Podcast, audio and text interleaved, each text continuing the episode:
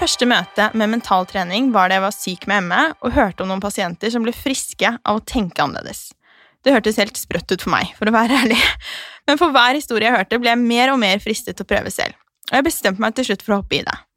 Jeg synes det er veldig vanskelig å forklare hva som skjedde, men jeg pleier å si at jeg gikk opp noen nye stier i hjernen min.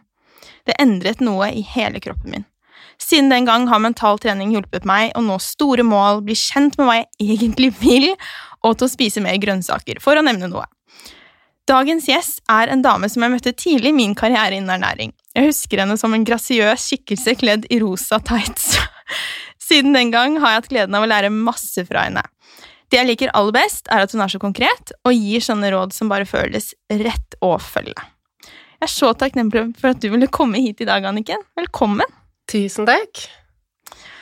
Jeg syns jo det er veldig spennende å høre om hvordan andre starter dagene, og hvordan de lever. Så hvordan startet du dagen i dag? Du, vet du hva, i dag er jeg faktisk ganske stolt over hvordan jeg startet dagen. Eh, og det henger sammen med at jeg vanligvis er litt sånn morgenfugl, og jeg våkner tidlig. Jeg pleier å stå opp et par timer før jeg vekker barna, for å bare Jeg elsker å komme i gang med dagen. Eh, men for meg så er jo balanse viktig. Det at jeg hele tiden kan hente meg inn, at jeg ikke sliter meg ut. Og nå visste jeg at jeg trengte å sove lenge. Så for meg, det vanskeligste på morgenen er faktisk å sove lenge de gangene jeg trenger det. Fordi jeg automatisk våkner sånn halv seks-seks. Så da klarte jeg å ligge i sengen til syv. Oi, jeg tenkte litt sånn Ok, hva er lenge? For jeg er sånn helt lik, men ja, da, den, den, er overkommelig. Ja, så jeg, eh, så jeg, tvang meg selv til å, sovne, til å sove videre og våkne klokken syv, og det var det er helt fantastisk. Ja, Så deilig. Ja. Men det, det, gjorde at jeg fikk ikke mye tid for meg selv før barna sto opp. Men det er greit, eh, for da har jeg gjort det som er viktigst, og da har jeg skaffet meg nok søvn. Ja, du er så bevisst, vet du. Det er det. Hva er det du har spist til frokost, da? Jeg har spist det jeg pleier å spise, eh, og det er litt sånn som jeg kanskje Eller som jeg trenger litt feedback fra deg på, for jeg spiser det samme hver dag til frokost. Og det handler litt om at det er enkelt med rutiner, eh, men det handler også om at jeg trenger mat som er stabil, altså som gir meg energi, og som holder blodsukkeret stabilt, så jeg spiser egentlig hver eneste dag litt havregryn, som har da ligget over natten eller ligget noen timer på morgenen, med forskjellige frø og kjerner og nøtter. Så har jeg olivenolje på, og en eller annen plantebasert yoghurt. Litt kanel og litt bær, enten tørkede eller ferske. Spiser det hver dag. Ja. Jeg syns det høres veldig veldig bra ut. Det er jo kjempesunt. Ja. Um, hvis man liker veldig sånn samme frokost, så kan det jo bare variere hvilke bær du bruker, og variere også hvilke liksom, nøtter og frø du bruker, for å mm. få liksom, forskjellig type fiber kroppen kan jo også bli litt sånn ah, hvis man spiser for mye av én ting over tid. Men ja. jeg tenker så lenge det funker, ja. så da trenger du liksom ikke å gjøre noe med det. Ja, det funker, for det holder meg mett i timevis og gir meg energi og hjelper meg å holde fokus. Og hvis jeg prøver å spise for eksempel egg eller et eller annet, så blir jeg sulten igjen etter en time. Mm, da kjenner du jo kroppen din godt. Ja. ikke sant? Så det var frokosten. Ja, det er jo kjempespennende. Uh, vil du fortelle litt om deg selv? Sånn, hvem, hvem, er Anniken? Ja, og da er det jo fort gjort når man får det spørsmålet 'Hvem er du?' så begynner å ramse opp uh, hva slags utdanning jeg har, og liksom ja, alle achievements. Men jeg tenker det, det, viktigste med meg er at jeg er mamma, jeg har to barn, og så er jeg gründer. Uh, jobbet for meg selv i mange, mange år. Og så har jeg, siden jeg var veldig ung, hatt et sånn, en sånn tanke om at jeg må få mest mulig ut av livet. Mm. Det har vært litt sånn drivkraften min som, som jeg har noen ganger gjort at jeg har pushet meg litt for mye, fordi det er så mye jeg vil få til på så kort tid. Eh, så det er liksom det jeg driver med, å få, få, gjort mest mulig av de tingene jeg drømmer om. Men så har jeg også oppdaget at etter hvert gjennom dette med å bli bevisst på mental treningen, at jeg har to viktige drivkrefter. Mm. Og hvis jeg ikke liksom, fyller begge de to, så har jeg det ikke bra. Nei. Og det er ikke sant, I perioder av livet har jeg kanskje bare eh, oppfylt den ene drivkraften, men ikke den andre, og det har jeg ikke vært helt happy. Mm. Og det er to viktige ting, og det, er, det ene er at jeg har et ønske om å hjelpe og gjøre en forskjell. Altså, da jeg var liten, så ville jeg redde alle barna i Afrika. Ja. Klassisk. ja. Uh, og så er det et behov for uh, utfordring og utvikling. Mm. Og de to trenger å balanseres. Ja. ja. Så spennende. Ja, jeg kjenner meg igjen med det med liksom vekst Mm. At du klarer ikke helt å stå stille. Mm. Da blir jeg fort litt sånn rastløs. Ja. Mm. Og så, altså, jeg vet jo at vi mennesker er skapt for vekst og utvikling. Eh, og alle har det bedre når de får utviklet seg, det vet jeg, men så, så vet vi også det at vi søker etter komfort, da, at det er Mm. mange som på en måte bare går etter komforten og slutter å utvikle seg fordi det er skummelt, og det er ukomfortabelt, og det er tryggere å bare gjøre det man gjør. Men alle har det bedre når de får utfordret seg og ja, vokser. Det er Mm. veldig spennende. Minner meg litt på sånn barnepsykologi. At liksom man har den trygge havnen, så er jo barn også veldig sånn De vil lære, og så legger vi liksom litt det bort. Liksom Når man er ferdig med liksom artium, så, ikke så er man liksom Nei, nå er jeg ferdig utlært. Og nå er det jo liksom for sent å lære seg å spille piano eller danse eller Mm. Det er veldig rart.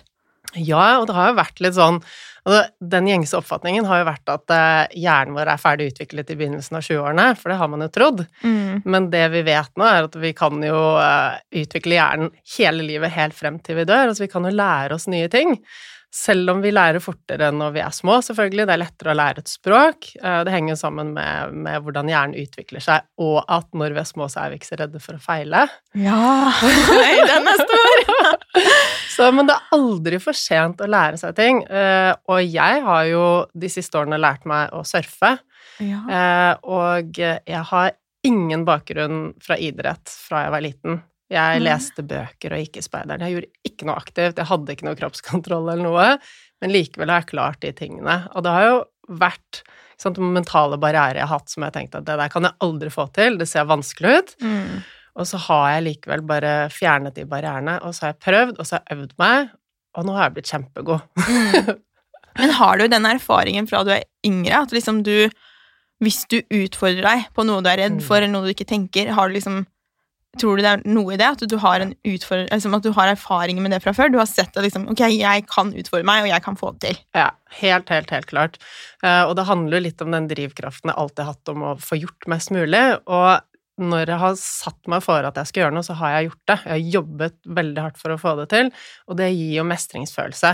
Det bygger selvtillit, at du tror og vet at du kan gjennomføre det du bestemmer deg for, og at ting som du kanskje tenkte var umulig, er ting du kan få til. Mm. Så det er en erfaring jeg har hatt med meg, og fra naturens side så er det jo sånn Vi har forskjellig mindset. Vi er født forskjellig rent genetisk sett, og jeg har jo et mindset som er veldig sånn Det vil jeg gjøre, og det skal jeg gjøre. Det jeg bare gjennomfører. Mm. Men selv om du fra naturens side ikke er sånn, så kan du trene deg opp til å bli sånn. Det er det som er så fantastisk. Ja. Det er, ja, det er veldig vanskelig å ta inn, syns jeg, men det er, du må kjenne det på kroppen. Ja. Den der at du kan endre, og ting som før var vanskelig, blir liksom borte. Ja. Vonde følelser. Ja. ja. Men du er jo mental trener og coach. Mm. Mm. Men hva er egentlig en mental trener?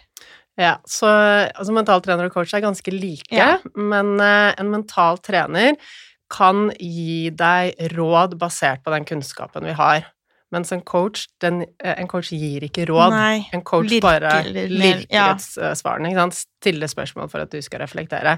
Mens jeg som mental trener, jeg bruker mye coaching, jeg stiller mye spørsmål for at du skal få tenkt og finne Mm. ut av ting i hodet. Men så gir jeg også råd. Og det er litt som en PT for hjernen, egentlig. Mm. Eh, vi trener jo opp den mentale muskelen på samme måte som vi gjør med de fysiske musklene. Og eh, Så det handler om at jeg kan ikke sant, Hvis en kommer til meg og sier at eh, jeg vil ha mer ro, altså mindre stress, så kan jeg si ok, men da råder jeg deg til å sove åtte timer om natten. Jeg råder deg til å legge bort jobb på kvelden. ikke sant? Jeg Mm. råder deg til å gjøre disse og disse tingene. Gjøre en avspenningsøvelse, for eksempel. Ja. Så ja, men det jo ja. Nei, men det, det visste jeg ikke, så det var veldig oppklarende egentlig for meg. Mm, For det er liksom når du Jeg liker jo litt å få litt råd. mm, Jeg liksom søker jo Jeg syns det er fint å ha liksom mentorer og være sånn Ok, hva, hva kan jeg gjøre nå? Hjelpe meg å se løsninger, da. ja. Så det er um, Det er veldig, veldig spennende. ja. Men eh, jeg lurer på sånn, hva er egentlig det beste med å jobbe med mennesker sånn som du gjør? Hva er liksom oppi, nesten oppi hjernen deres da, og liksom kunne utvikle? Vet du hva? Og det er veldig lett å svare på. Det beste er å se den forandringen som skjer, hvor jeg kan sitte med en person som på en måte bare Du kjenner på hele energien at her er det ikke bra. Ikke du ser det på ansiktsfargen, du ser det på utstråling, det er ikke noe glød. Eh, kanskje de liksom sitter med liksom skjerf fordi de ofte er liksom eh, syke og liksom mm. sunket sammen i kroppen og liker ikke seg selv og, og har det vondt, til at det, det bare snur. At du plutselig står rett i ryggen, stråler, har glød og sier at eh, wow, livet har blitt annerledes.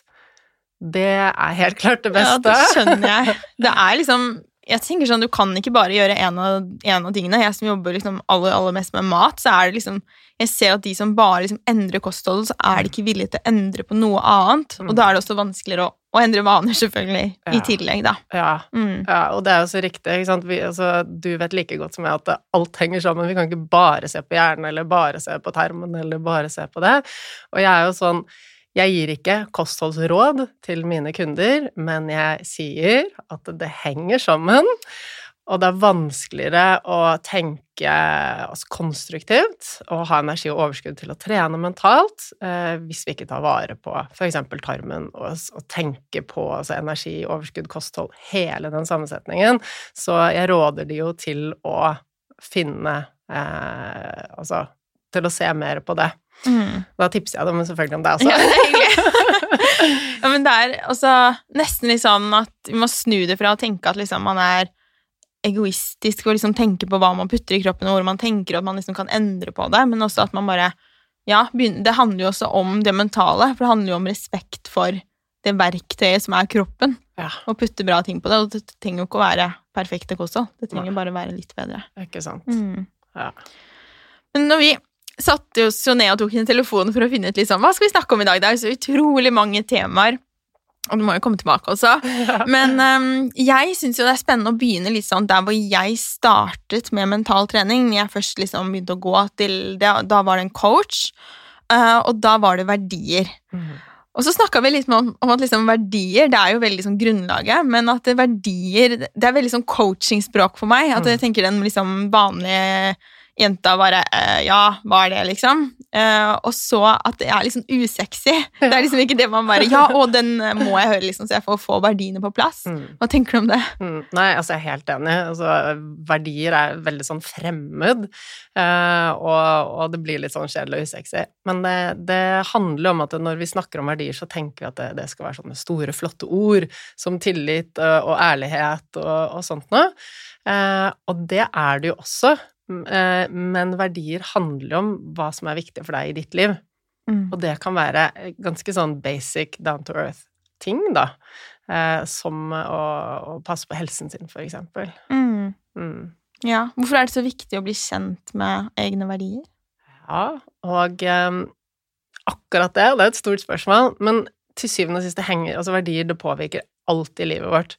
Sånn på kort sikt så handler det om at hvis du ikke vet hva verdiene dine er, så tar du veldig ofte valg som går på tvers av verdiene dine. Fordi vi blir påvirket av samfunnet rundt oss, de forventningene som vi tror folk har til oss, og de forventningene vi har til oss selv øh, fordi vi tror at det er sånn det skal være. Så ender vi opp med å ta valg basert på ytre forventninger og ikke våre verdier hvis vi ikke er klar over verdiene våre.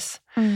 Eh, og når vi tar valg som går på tvers av det som er viktig for oss, så på kort sikt så blir vi altså umotiverte og ikke så veldig glad og går rundt med sånn knugende magefølelse og kjenner at ting ikke er bra. Stjeler energi, og vi har det bare ikke like bra. Um, men på lang sikt så henger dette veldig sammen med helsen også. Vi ser jo at det henger sammen med altså langtidsstress, rett og slett. Gjør vi leve et liv som er veldig på andre siden av hva som er viktig for deg, så går vi rundt med konstant stresshormoner i kroppen mm. hele tiden. Og langtidseffekten av det er jo ikke bra. Nei, det er, det er alle sykdommer. Ja. Altså, det er jo Det påvirker jo tarmen, det påvirker jo hormonene våre i forhold til Altså det har jeg jo hatt veldig mye av. Uh, og jeg pleier å si at til kundene mine at stress er som søppel. Du må liksom ha mm noe tømming, så, for det er helt greit å ha perioder med mye stress eller dager eller sånn, men man må på en måte få tømt det, da. Ja, du må ha den restitusjonen og ha balanse. Og jeg hadde jo Altså, dette med verdier er ikke noe jeg lærte om før jeg ble mental trener. Jeg hadde liksom aldri snakket om det, men når jeg da så tilbake på livet mitt, så skjønte jeg at jeg hadde tatt veldig verdibaserte valg helt siden jeg var ung. Og jeg begynte å jobbe som modell da jeg var 14, og, eh, og ble spådd en lysende karriere og var bare sånn Ok, men det er jo dette jeg skal gjøre, fordi alle forventer det av meg, og Mm. jeg forventet det også av meg selv. Altså, det er jo drømmen for de fleste unge jenter, ikke sant? Så jeg jobbet og jobbet ved siden av videregående og var liksom superflink med skolearbeid, reiste rundt og jobbet hele tiden. Da jeg var ferdig med skolen, så flyttet jeg til Paris, og så var jeg bare ikke lykkelig. Ikke sant? Jeg hadde det helt forferdelig. Og, eh, og til slutt så, så, så dro jeg til Sør-Afrika for å jobbe der, og så rømte jeg bare. Bare, Alle agentene dine bare «Anniken, Hvor er du? jeg var borte en uke uten at noen har hørt fra meg. Uh, Så, um, nei, så da jeg skjønte at vet du hva, den jobben gjør meg lykkelig, fordi at den er så langt borte fra det som er viktig for meg. Mm. Um, og det skjønte jeg da. Da var jeg 20 år. Uh, og nå skjønner jeg at ok, men det var verdiene mine, og jeg var ganske innsiktsfull og Mm. modig og tok et, uh, et så konkret valg så tidlig, da. Ja, det er kjempebra. Så etter det, så men sant, Det handler om Du trenger egentlig ikke vite hva er verdier, hva er ikke verdier, men du kan kjenne det på magefølelsen din. Mm. Kjennes det riktig ut, eller ikke? Gir det deg energi, eller ikke? Mm. Sånn, får det deg til å bare sprudle over og glede deg og bare yay, eller bare stjeler det energi? Mm. Ja. Jeg husker jo veldig godt det var en som sa til meg at jeg kunne skrive ned et par punkter på ting jeg ikke likte med andre. Det høres jo veldig negativt ut, da, men for eksempel for meg så liker jeg ikke når andre er falske. Liker ikke liksom, uærlighet, eh, eller ja Så da liksom, det kommer egentlig litt sånn lett opp. For Mm. sånn, alt som gjør at du bare blir sånn Åh, når andre liksom gjør noe mot deg, da. Så, og da, når man da snur det, så er det ofte litt sånn tegn, da. Så det kan være en sånn, bare en sånn superenkel ting som kan gi deg en litt sånn aha. Kanskje du finner én, og så kan det liksom få ballen til å rulle. Mm. Ja, helt, helt klart. Det er en veldig fin, enkel måte å bare connecte med hva som er viktig for deg. Og så, ikke sant, Dette er noe som vi kan sitte ned i to timer og gjøre en grundig analyse av, som jeg ofte gjør til de som har lyst til å gå dypt i det. Men som du sier, bare veldig enkelt. Hva er det som trigger deg i en negativ retning? Og så kan du også da tenke hva er det som trigger deg i en positiv retning. Og så liker jeg også å stille spørsmål, da. Ok, hvis du eh, nå ser for deg at du er 80 år gammel og Mm. sitter på gamlehjemmet, og så ser du tilbake på livet ditt.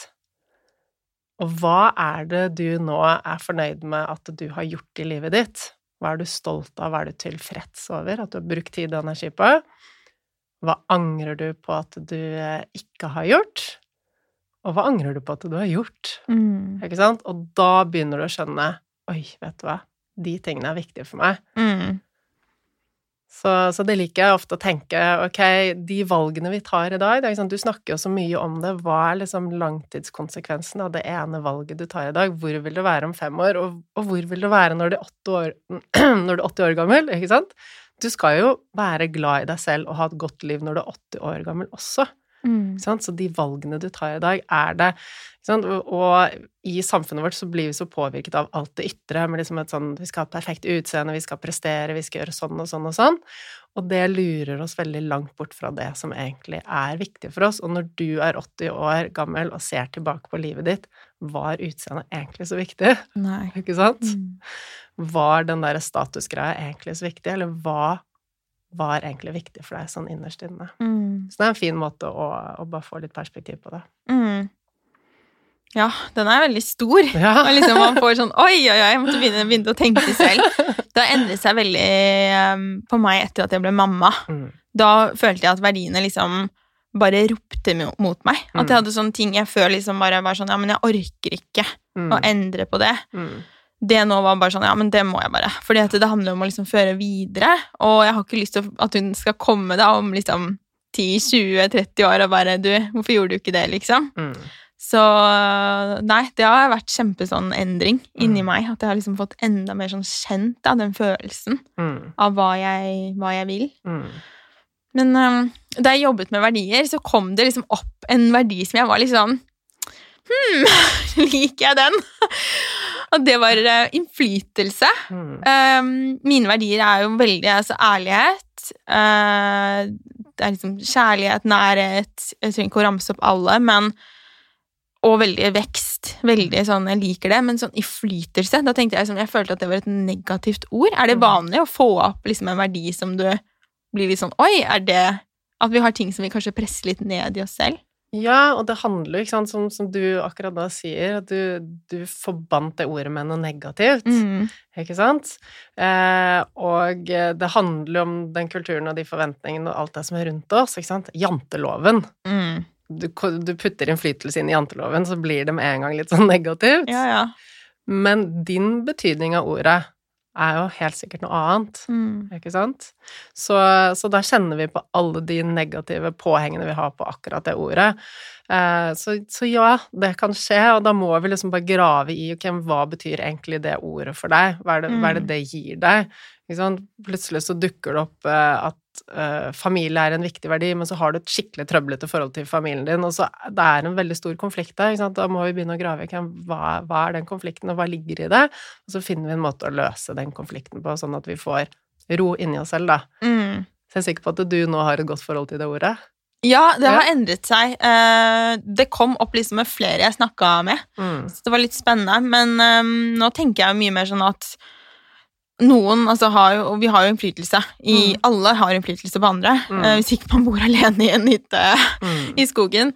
Og uh, det kan være bra innflytelse eller negativ innflytelse. Så mm. jeg får jo spre så mye positivt som jeg kan, tenker jeg. Ja. Og det gir meg noe. Det å føle at jeg liksom endrer at folk liksom bare 'Å, i dag har jeg laget sånn som noen jeg så hadde lagt ut i dag da, på Instagram og tagget meg at uh, jeg har laget gullmelk. ikke sant? Gleder meg til å ha med gullmelk på skolen og studere i dag. og liksom da tenker jeg sånn Å ja, jeg har jo bidratt til det. Det er jo kjempekult. Ja. Og ja. da, blir liksom, da, blir det en god ting, men jeg tror det er litt den derre play it small. At jeg er liksom redd for å være for mye.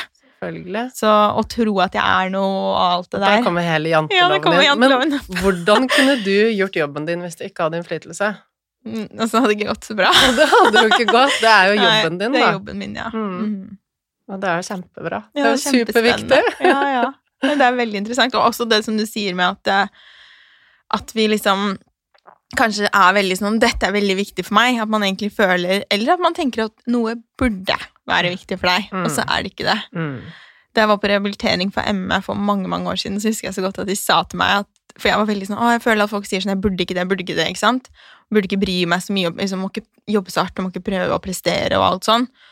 Uh, og da fortalte de om en dame som bodde i et svært hus, og hun vasket vinduene hver uke eller hver dag. altså Det var helt vilt. da, Hun var liksom vaska mine og var ME-syk. da, Men de bare, men for henne at det ga så mye glede. Mm. Så til slutt så var vi bare sånn Vet du hva, det må du bare få gjøre. Ja.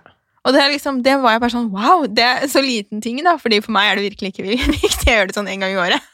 Så det er noe med å bare tørre å liksom dyrke litt det som gjør deg godt. da, mm. For eksempel ikke føle at liksom, å, jeg burde ikke prioritere å gå og lakke negler fordi jeg er småbarnsmamma. Mm.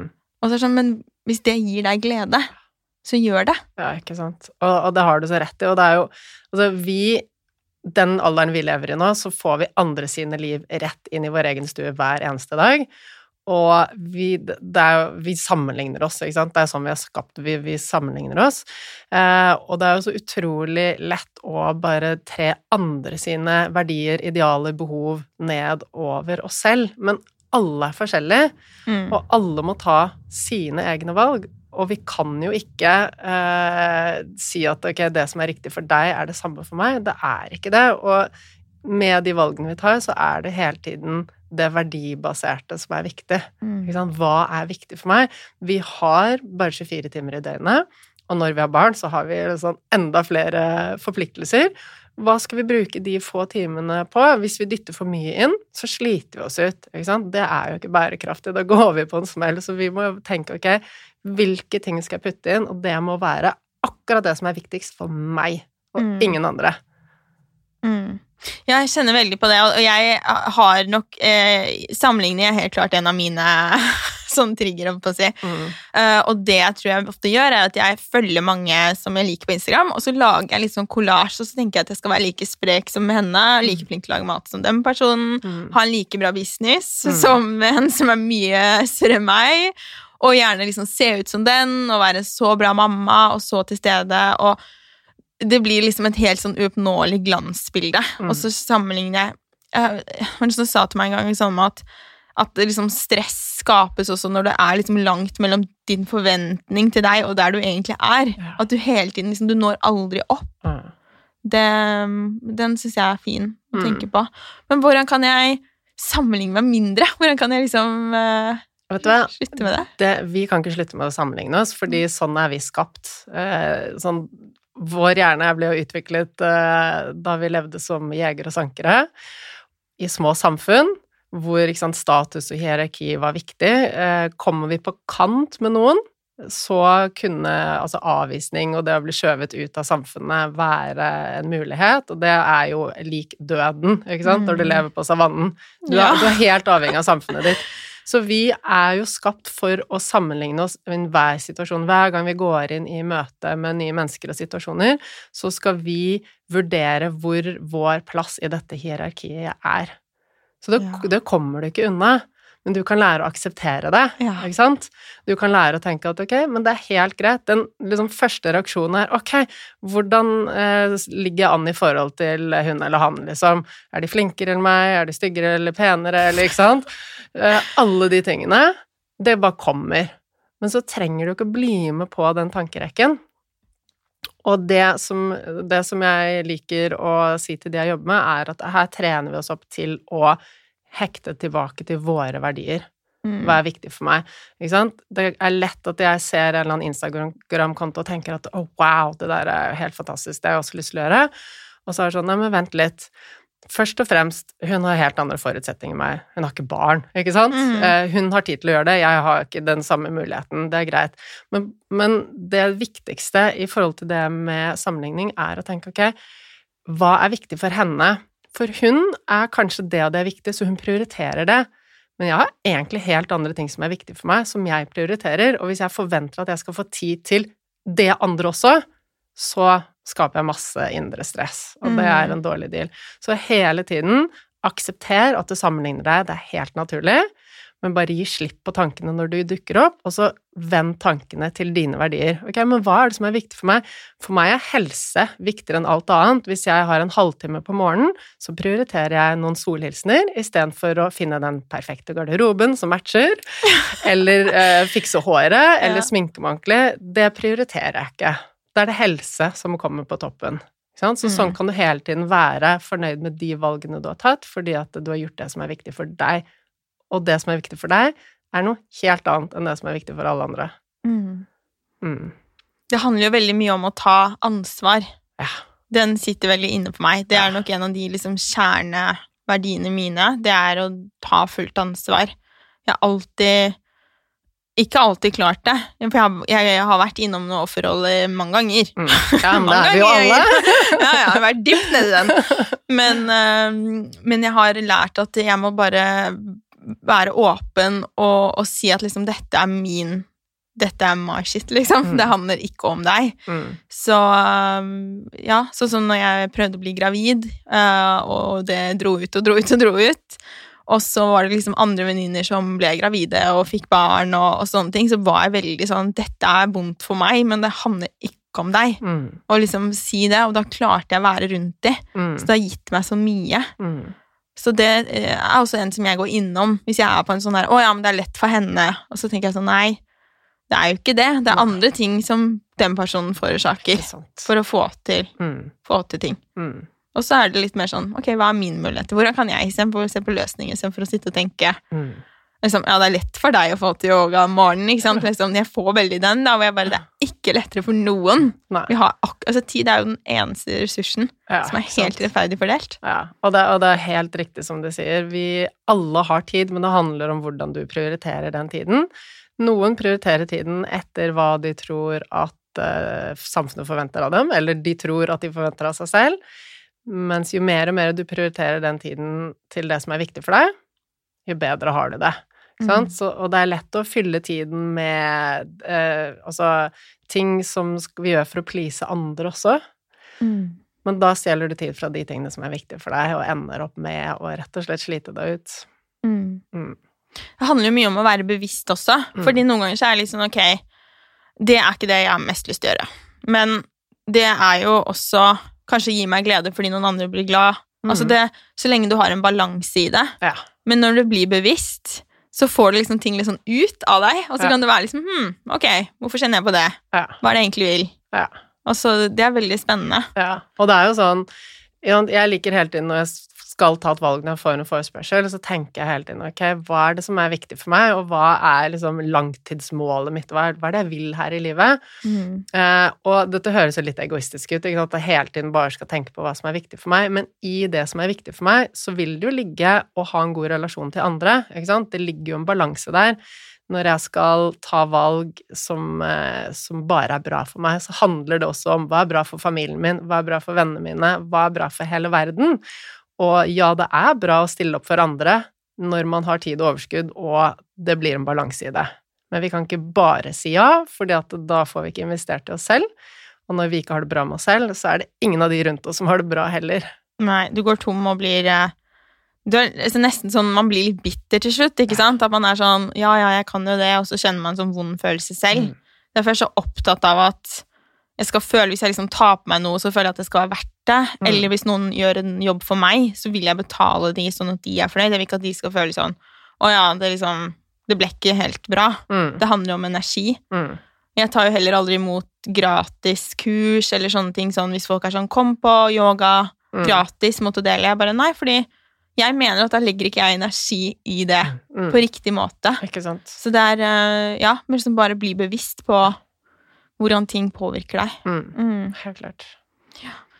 Jeg jobber jo med, med, med, mat og kost og alle endring av vaner og liksom inspirere andre til å spise bedre, og det er jo en sånn livslang prosess. Altså, det er liksom ikke sånn at man bare um, begynner å legge om kostholdet, og så er du ferdig, på en måte. Da er det liksom easy-peasy fra da.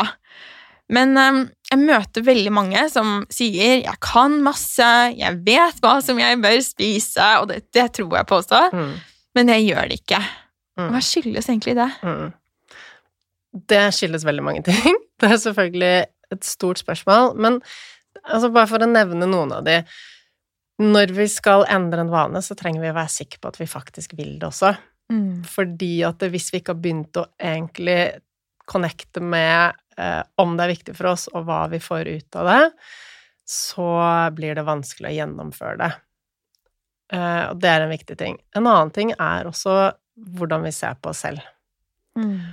Og det var en studie som ble gjort på noen eh, altså kvinner i barsel, som gikk gjennom et program eh, som skulle få de tilbake eh, til en eh, optimal vekt og få dem i form, så var trening og kostholdsråd. Og alle gjennomførte programmet med stor suksess. Etter programmet var ferdig, så gikk alle deltakerne tilbake til der de var før svangerskapet. Ja. De som hadde De som så på seg selv som personer som trente og spiste sunt, de gjorde det. De som så på seg selv som personer som lå på sofaen istedenfor å ta en treningsøkt, de gjorde det. Så du kan jobbe så mye du vil med å bare endre en vane, men hvis du ikke endrer din oppfatning av deg selv, så kommer du til å havne tilbake igjen. Mm. Din identitet. Hvem er du? Hvis du hver dag sier til deg selv 'Jeg klarer ikke å endre vanene mine', så klarer du det ikke. Så der er en veldig viktig nøkkel hva, eh, hvordan du ser på deg selv, og det mm. henger sammen med de tingene du sier til deg selv hver eneste dag, og det er vi nødt til å endre på. Ja, ah, den der er gull, altså. ja. Fantastisk. Og det er liksom, Hvis du går rundt og sier 'jeg har dårlig selvfølelse', da, da sliter du med å komme deg bort fra mm. det. Så det jobber jeg mye med med kundene mine. Mm, ikke sant? Ja. Jeg klarer ikke gjennomføre. Eh, jeg sprekker alltid. Jeg er så redd for å feile. Jeg kommer til å feile. Da har du allerede programmert deg selv til at ja, men mm. da klarer du ikke å gjennomføre. Så det er veldig viktig. Det er de dype, dype tingene. Eh, og så er det ikke sant, hvordan funker hjernen vår? Jo, hjernen vår eh, den er, har én oppgave, det er å holde deg trygg. Ikke sant? Og som jeg sa, så, så ble hjernen utviklet Hvis du ser på evolusjonen, da, så den tiden hvor hjernen virkelig ble utviklet og, til å fungere sånn som fortsatt fungerer, fordi utviklingen har gått veldig raskt nå, det var da vi var jegere og sankere. Hovedgrunnen, altså hovedoppgaven til hjernen er å holde deg trygg. Det, alt det som er ukjent terreng, mm. det er en fare for hjernen, og da setter den i gang med å produsere stresshormoner. Og det handler om at sant, når du fant noen nye bær, for eksempel, så måtte du jo være litt skeptisk til de Mm. Eh, en ny type slange som du aldri hadde sett før, ja, eller en ny elv. Eh, er det sterk strøm der eller ikke? Så vi er programmert til at alt som er nytt, det er farlig. Mm. Det skaper masse stress i kroppen. og vi er programmert til å gå etter det som er trygt og godt, og som gir oss en god følelse. Så alle de tingene som er nye, de oppfatter hjernen som en trussel, det er farlig, vi må bort fra det, ikke sant? Og så skaper det masse ubehag og masse stress, og vi vil tilbake til det gode, gamle, kjente. Så eneste måten å få det nye til å bli kjent på, er å repetere det, repetere det, repetere det over tid. Mm. Og så er det én viktig ting til, og vet at jeg bare slenger masse ting her, men det er så mye. Jeg elsker det. Det er det at eh, vi, når vi eh, skal innføre en ny vane, så er det veldig ofte sånn at vi sier vi må, burde, skulle, og vi må presse oss til det. Alle ting vi må presse oss til, det skaper stress. Stress er ubehag. Og hjernen vår, den er som en sånn der varmesøkende missil. Den søker mot det som gir behag. Mm. Bort fra alt som gir ubehag. Mm. Så når du har knyttet masse sånn eh, 'jeg må pushe meg, jeg må, burde, skulle' til den nye vanen, så blir dette et ubehagelig sted å være. Og hjernen vil være der det er behagelig. Mm. Og så når du i tillegg da kanskje i gåseøyne feiler en gang, du sprekker på den kostholdsplanen din, så får du dårlig samvittighet, skyld og skam, enda mer ubehag knyttet til denne nye vanen, Mm. og da gjør hjernen enda mer for å styre deg unna den nye vanen.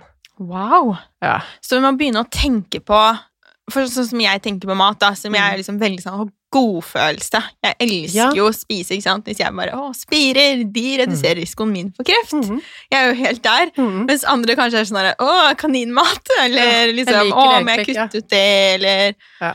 Og det Mens andre veien, da, så har jeg jobbet litt med meg selv også med å snu den derre Spise en bolle. At det liksom ikke det er liksom ikke Mm. Jeg merket veldig sånn Min Altså, Lykke har jo melkeallergi. Mm. Altså sånn helt ekstremt. Og når jeg ammet henne, så, så var det liksom bare en slurk melk, da. Så Mm. var det liksom Da hadde hun så vondt i magen og sånn.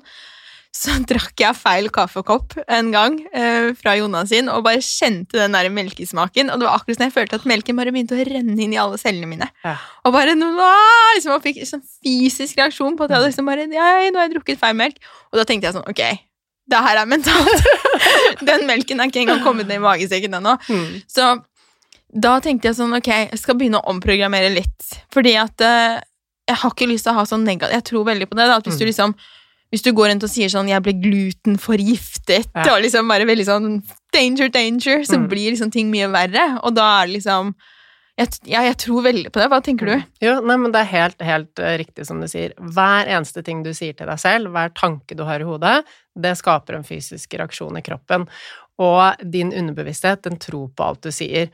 Hvis du sier at jeg blir forgiftet, jeg dør, eh, det dreper meg, da, har du, da produseres det masse stresshormoner i kroppen, og du vet nok om hva som skjer med fordøyelsen, med tarmen når du har stresshormoner i kroppen, og at du også legger på deg når du går rundt med stresshormoner. Mm. Så når du tenker at 'å nei, nå har jeg spist det, nå kommer jeg til å legge på meg', ja, ja men da, du legger faktisk på det, da. Mm. Ikke på grunn av nettopp den ene biten, men på grunn av Nei, av stresset som du Ja. lager rundt det. Og bare liksom nyte. Og det ser jeg liksom alltid noen som er veldig sånn Ja, men jeg bare Og ja, det er en kjempeviktig del av eh, Del av ernæring. Det er eh, Det har gitt meg så mye sånn matfrihet, da. Mm. Det har gjort at jeg liksom kan spise mye mer sånn Ja, fritt. Ja. Jeg spiser jo fortsatt kjempesunt. Ja. Så det handler jo ikke om at liksom, å ja, da kan du bare spise Ben Jerry's, liksom. Men hvis Mm. du gjør det en kveld i uka, så går det helt fint, det også. Ja. Men ikke sant, det er jo sånn Jeg spiser bare ting som jeg har lyst på. Mm. Kun ting som gjør meg glad. Men det er fordi at jeg har et helt annet syn på hva som gjør meg glad nå, enn det jeg hadde da jeg var 15. Mm. Ikke sant? Da kjøpte jeg smågodt og syntes det var toppen av lykke. Mm. Jeg har ikke lyst på smågodt.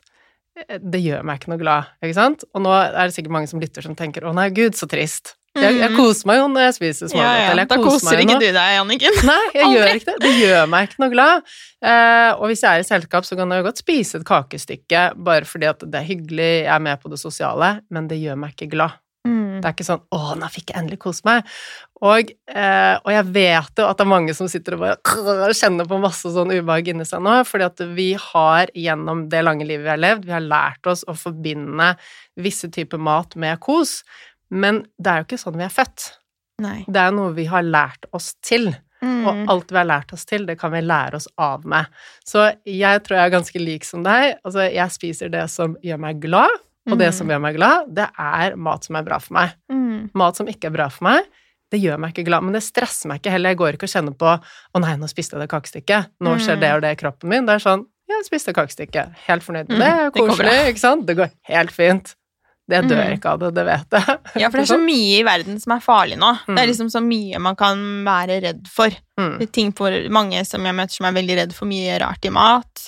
Ja. Og redd for ting man smører på seg. Og jeg, jeg er veldig bevisst på det selv, men jeg er ikke redd for det. Det er ikke Nei. sånn at Hvis jeg liksom hadde måttet bruke en annen deo en dag, som bare Å nei, liksom! Nei, Fordi at da føler jeg at da Ja, da skaper man mye sånn negativ stress, og det er jo like skummelt. Da. Ja, og om ikke enda mer skadelig, Mm. ikke sant? Så går du rundt med konstant stress fordi du er redd for det, eller så går du bare 'Å, hvorfor gjør jeg det? Hvorfor spiste jeg det? Og nå skjer det?' Ikke sant? Så går du med sånn der eh, tankekvern inni deg.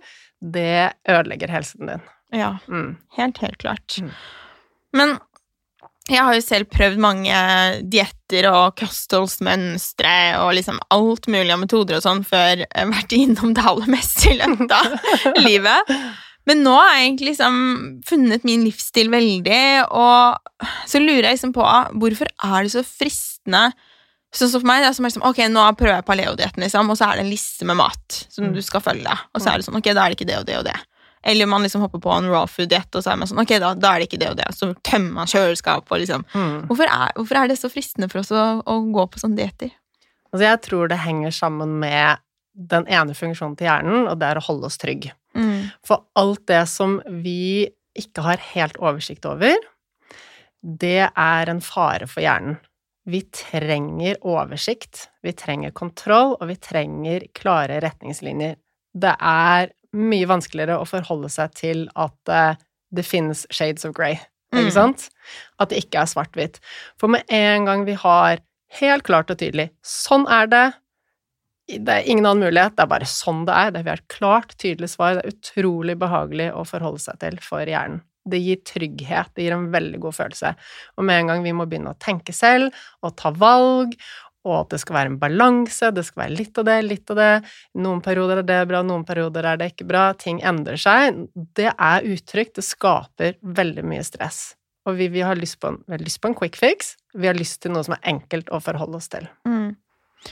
Men nå føler jeg at det, det er deilig, Mm. selv om det kan være liksom en liten sånn utfordring sånn øh, Når jeg kjenner at kroppen min har lyst på mindre kjøtt Mm. nå enn før, så er det sånn Ok, men så blir veldig fort folk sånn Å ja, skal du bli veganer? Og jeg bare Nei, nei, nei, liksom, det har jeg ikke tenkt på engang, liksom. Det handler bare om at jeg skal følge det kroppen min sier, og jeg, jeg spiser egentlig alt. Mm. Og det er um, Men nå syns jeg det er deilig, så man Mm. kan kanskje komme dit. Ja, jeg tror det. Og så Ja.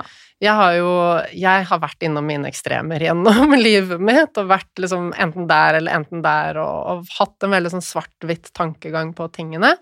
Eh, og det er jo sånn vi kan lære oss av med med mental trening. Og før så tenkte jeg ja, men den gylne middelvei, det må jo være kjedelig. Mm. Ikke sant? Tenkte jeg. Og balanse og hva er det, liksom. Det bare kjedelig. Jeg vil liksom enten dit eller enten dit og bare makse alt. Eh, men så har jeg jo lært at jeg får mest mulig ut av tingene når jeg har et nyansert eh, syn på tingene, når jeg tenker på balanse hele tiden. Og svart-hvitt tankegang, sånn enten-eller, det hører ikke hjemme i et eh, balansert liv.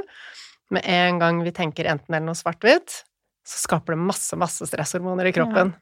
Og stresshormoner i kroppen, det er noe av det verste for helsen min, og helsen min er en av de viktigste verdiene, så det er veldig lett for meg å si at det gidder jeg ikke å holde på med. Nei. Det er så deilig. Ja. Og så prøve å ikke liksom putte seg selv i en boks. Ikke Mm. liksom være sånn som At jeg liksom føler at jeg drikker egentlig veldig sjelden alkohol. Mm. Uten at jeg liksom går inn for det. Det er ikke Mm. sånn at jeg bare Nei, nei, det drikker ikke jeg. Det, bare, det skjer ikke så ofte. Ja. Men jeg ville aldri vært sånn og så sier jeg sånn Nei, da må jeg da bli avholdt, liksom. Så er det sånn Mm. Nei, hvorfor skulle man bli det, liksom? Altså, Eller ikke sånn, Noen må jo selvfølgelig få lov til å være det, men bare, for meg så er jo ikke det noe vits å liksom ha en sånn label. Mm. Så det er nok noe med det som du sier, at det er veldig trygt. Da er man liksom en del av en gruppe òg. ja. Mm. Helt klart. Og, og for mennesker, det, altså, det er jo en av de viktigste drivkreftene våre, eller behovene, det er jo å føle tilhørighet. Mm. Ja. Jeg syns det er litt spennende ja, å være litt sånn Nei, jeg bare gjør det som jeg føler er bra, jeg, Ja. liksom ikke bli definert av noe. Det syns jeg er litt gøy. Og det handler jo om at du har gjennom en lang tid blitt mer og mer bevisst, og det handler om at du ikke trenger å pushe deg i én retning, og så straffer deg hvis du ikke liksom Mm. eh, når det målet, og at du ikke lenger tenker svart-hvitt, men at du er komfortabel med å leve i den balansen med å kjenne at det var riktig for meg. I dag spiser jeg det, i dag spiser jeg det, jeg stresser ikke over om jeg spiste det. Mm, sant? Det, det krever jo at du står veldig støtt i deg selv. absolutt. Det er helt, helt sant. Men tror du også vi har en slags sånn indre frykt for å endre oss, og at liksom vi da på en måte, selv om det er positivt, da, så er vi Jeg har liksom kjent på det før, sånn Hvem blir jeg da, Mm. hvis jeg gjør den endringen? Mm. Kanskje det henger med hvem, hva andre tenker om meg også? Ja, men altså, det, det er helt sant som du sier. Alle har en frykt for endring. Og det handler til, igjen om hjernen vår, som er en sånn trygghetssøkende missil. Endring som hjernen ikke vet utfallet av, det er fare på ferde. Mm. Ikke sant? Så det er kjempeskummelt. Men endring som vi kan kontrollere utfallet av, eksempel du har en plan for hvordan du skal pusse og bade, det blir spennende, ikke sant? For vi liker Mm. vekst, vi liker utvikling, vi liker å føle at vi kommer oss et sted. Men når det skjer en endring som vi ikke vet hvordan utfallet blir, så oppfatter hjernen det som en trussel. Det kan vi lære oss å like, ikke sant? Vi kan lære oss å stå i det ubehaget. Jeg syns det er kjempespennende. Mm. Jeg elsker nye situasjoner hvor jeg ikke vet hvor veien går, men det handler om at jeg har erfart dette gjennom mange år. Ikke sant? Mm. Så også da korona datt ned i hodet vårt, så var det et fryktelig stress for alle, absolutt alle, fordi at ingen vet hva utfallet av det her blir, Mm. og det skaper så mye stress. Ja, fy søren, det kjente jeg på. Altså, det var bare helt sånn der jeg satt i sofaen og bare Jeg er veldig sånn Jeg går ikke på VG. Jeg prøver å unngå å liksom starte dagen med å se på nyheter og alt sånt. Jeg føler liksom, det gir meg ikke noen ting. Jeg Mm. får via andre kanaler liksom informasjon om hva som er viktig å være Mm. opptatt av, og så lenge ikke jeg skal gjøre noe med det, Mm. så føler jeg ikke at det har noe å si for meg liksom, å ta det inn med en gang, da. Men da satt jeg liksom bare og oppdaterte og oppdaterte og var så i sånn Ja. fryktmodus. Ja, helt enig. Ja, det var, eh, ja, det var veldig sånn godt å komme ut av det igjen. Ja. Få, litt, få det litt på avstand. og Ja. Må prøve å ha et sånn balansert forhold til det. Ja. Vi får jo ikke gjort noe med det heller. Nei, vi får ikke gjort noe Men det er akkurat det, ikke sant. Vi kan forsone oss med det at eh, vi ikke kan kontrollere utfallet av noe, og det handler om å jobbe med aksept. Så, eh, så ja, tilbake til spørsmålet ditt. Vi, vi er jo redde for endring. Og eh, jeg har selv endret mange av mine vaner som har vært ganske dårlige, og hver gang jeg liksom har gått inn i den nye, mye bedre utgaven av meg selv, så har det vært veldig skummelt og ubehagelig. Mm. Det er sånn vil jeg egentlig være hun positive, glade Jeg lengter litt tilbake til liksom ja. Og det kjenner jeg meg så igjen i. Ja. Så liksom sånn, man kan liksom sitte og slenge litt dritt liksom, Mhm. sammen og bare være sånn Og det er urettferdig og kjipt. Og, Mhm. så man, liksom, da, man blir jo litt utafor. Det er egentlig Mm. en ting som jeg også lurer på når jeg har jobbet liksom, mentalt eller gått kurs sånn i det, så er det liksom den derre at vi jobber for å endre oss, Mm. men så gjør liksom ikke de rundt Nei. Og da er det liksom Hvis jeg endrer meg, så kan man få litt sånn ubehag av det. Plutselig så var det en som sa liksom, hun satt ved lunsjbordet da, på jobb, og plutselig så følte hun bare de var så negative. Og hun, bare, hun orket ikke å sitte med de da. Ja. Og det var, hun følte ikke at hun klarte å liksom dra, dra den rundt. Ja. Så jeg var veldig sånn hjemme også, at jeg bare åh, liksom, jeg skal endre meg sånn at liksom Kanskje samboer liksom gjør mer hjemme, eller et eller annet sånt. Men jeg har faktisk erfart at det, hjelper Mm. når du endrer deg. Så hvis du gjør det på en liksom bra måte, da, sånn ikke bare 'nå er jeg her', og liksom ennå behandler meg annerledes, men så merker du at folk da begynner å behandle Mm. deg annerledes. Mm. Mm. Det gjør det, og vi blir jo påvirket av folk rundt oss. Jeg, jeg kjenner meg veldig igjen i det du sier. Når liksom, man har lært å endre mindset og, og tenker helt annerledes på ting, så får man litt sånn sjokk når man møter folk som, som tenker på en helt annen måte. Eh, og at det kan være litt sånn ok, hvordan skal man forholde seg til det? Men jeg tenker at det, som du sier, vi, vi kan jo ikke forvente at vi kan endre andre, og vi kan ikke gå inn og bare Nei, nei, men sånn kan du ikke tenke, og sånn må du ikke gjøre. Du må heller gjøre det sånn her, ikke sant? Nei. Det går jo ikke. Men ved å være gode eksempler, så ser jo de rundt oss resultatet. Eh, og det handler jo om, sant, spesielt de som ser oss mye på daglig basis, om det er kollegaer, eller om det er partner, eller barn også. Mm. Når vi eh, går frem med et godt eksempel, så påvirker vår energi og vår væremåte Det påvirker dem. Alle ordene vi bruker, det påvirker dem. Mm. Og så ser de også resultatet. Å, men hun er gladere, hun er mer balansert, hun er hyggeligere. Hvis jeg sier noe hyggelig til deg, så får du lyst til å være hyggelig tilbake. Mm. Hvis jeg bitcher litt til deg, så, så, får ikke du veldig lyst til å være hyggelig tilbake. Så vi påvirker oss, eller vi påvirker hverandre. Mm. Mm. Ja, man merker jo også hvis man går liksom rundt og bare smiler litt mer til andre og sånn, at det, jeg liksom, hvis jeg har en liksom dårlig dag, så kan jeg liksom føle at da er det liksom Ja, hvis du tenker at alle andre liksom, det er noe med alle andre, mm. så er det mest sannsynlig noe med deg. Ja. det er. For det er liksom den der at det er sånn 'Å, Bushman var sur', alt sånn. Du hadde ikke tenkt over det hvis du hadde hatt en god dag. Nei, nei, nei. Så når du har den der gode dagen, så liksom Du kan sette på deg det smilet, da. Du trenger ikke å være liksom happy hver dag, men bare være litt sånn Ok, men i dag Og det, det merker jeg også hjemme, at jeg kan være litt sånn I dag har jeg bare en dårlig dag. Mm. Det handler ikke om deg. Mm. Og det også jo, handler jo om igjen å ta ansvar for ja. eget følelsesliv og ikke sant? Og det å da å si ifra, vet du hva, bare liksom I dag er jeg der, og, og bare skru ned forventningene til meg. Det, det, bare ikke, ikke, ta det imot, liksom. Mm. Det tror jeg er veldig lurt å gjøre. Og jeg hadde senest en sånn episode bare nå i helgen eller sånt nå, hvor jeg våknet opp jeg hadde sovet altfor lite, og jeg fikk mensen i løpet av natten. Mm. Og bare våknet opp med bare sånn ah, Jeg blir så deppa når jeg skal starte dagen med å føle meg liksom lav på energi. Og da var jeg litt sånn gretten mot mannen min. Og så hadde jeg ikke liksom sagt til han hvorfor. Og med første reaksjonen hans er jo å være gretten tilbake. Mm.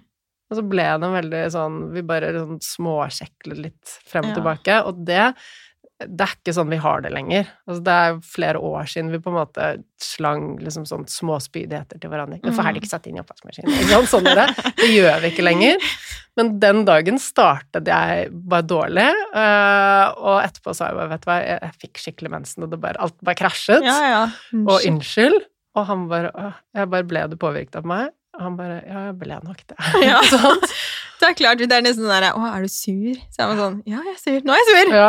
Liksom, du blir jo påvirket av det rundt deg, men du kan jo jeg, jeg, tror ikke vi klarer å liksom ever bare være liksom perfekte sånn. At Nei. man aldri blir påvirket av ting. Og liksom, Nei, man bare være sånn 'Å ja, nå ble jeg det. Ok. Mm. Det går fint.' Ja, at det er helt mm. greit.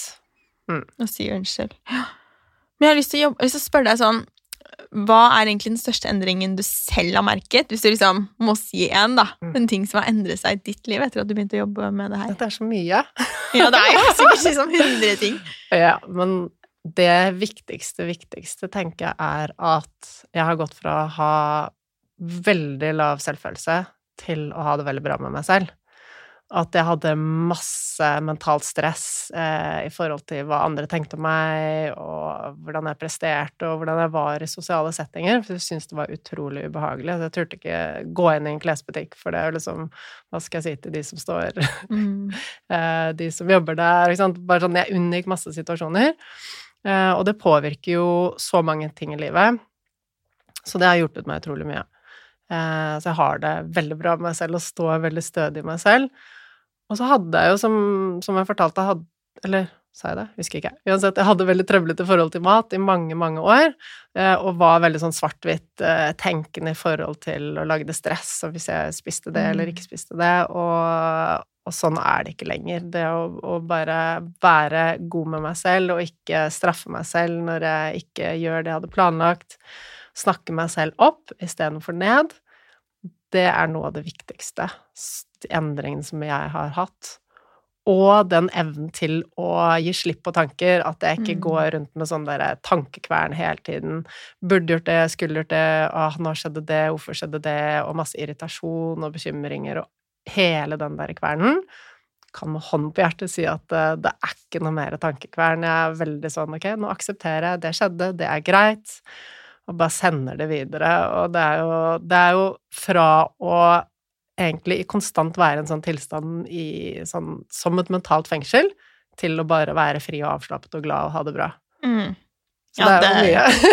det er fantastiske ting. Ja. Åh, det, ja. Jeg anbefaler alle å, å jobbe med en mentaltrener eller coach, mm. altså å få liksom virkelig bli kjent med med deg og bare finne ut hvordan du kan ha det bedre. Det er mm. så mye som kan løsne, mm. og så mye man kan oppnå. Ja.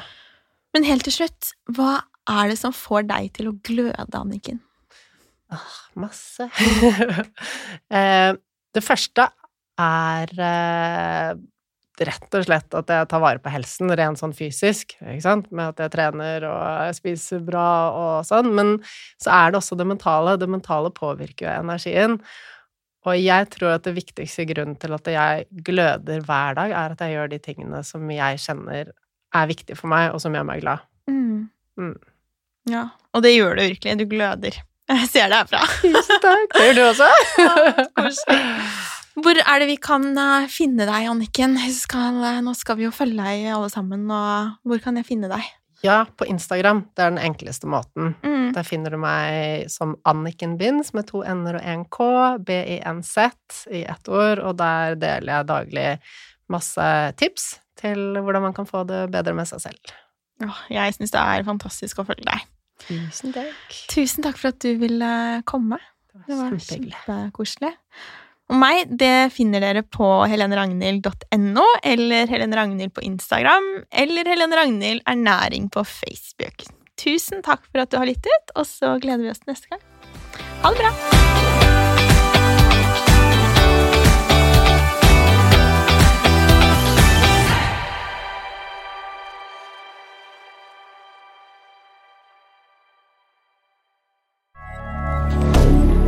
Moderne media.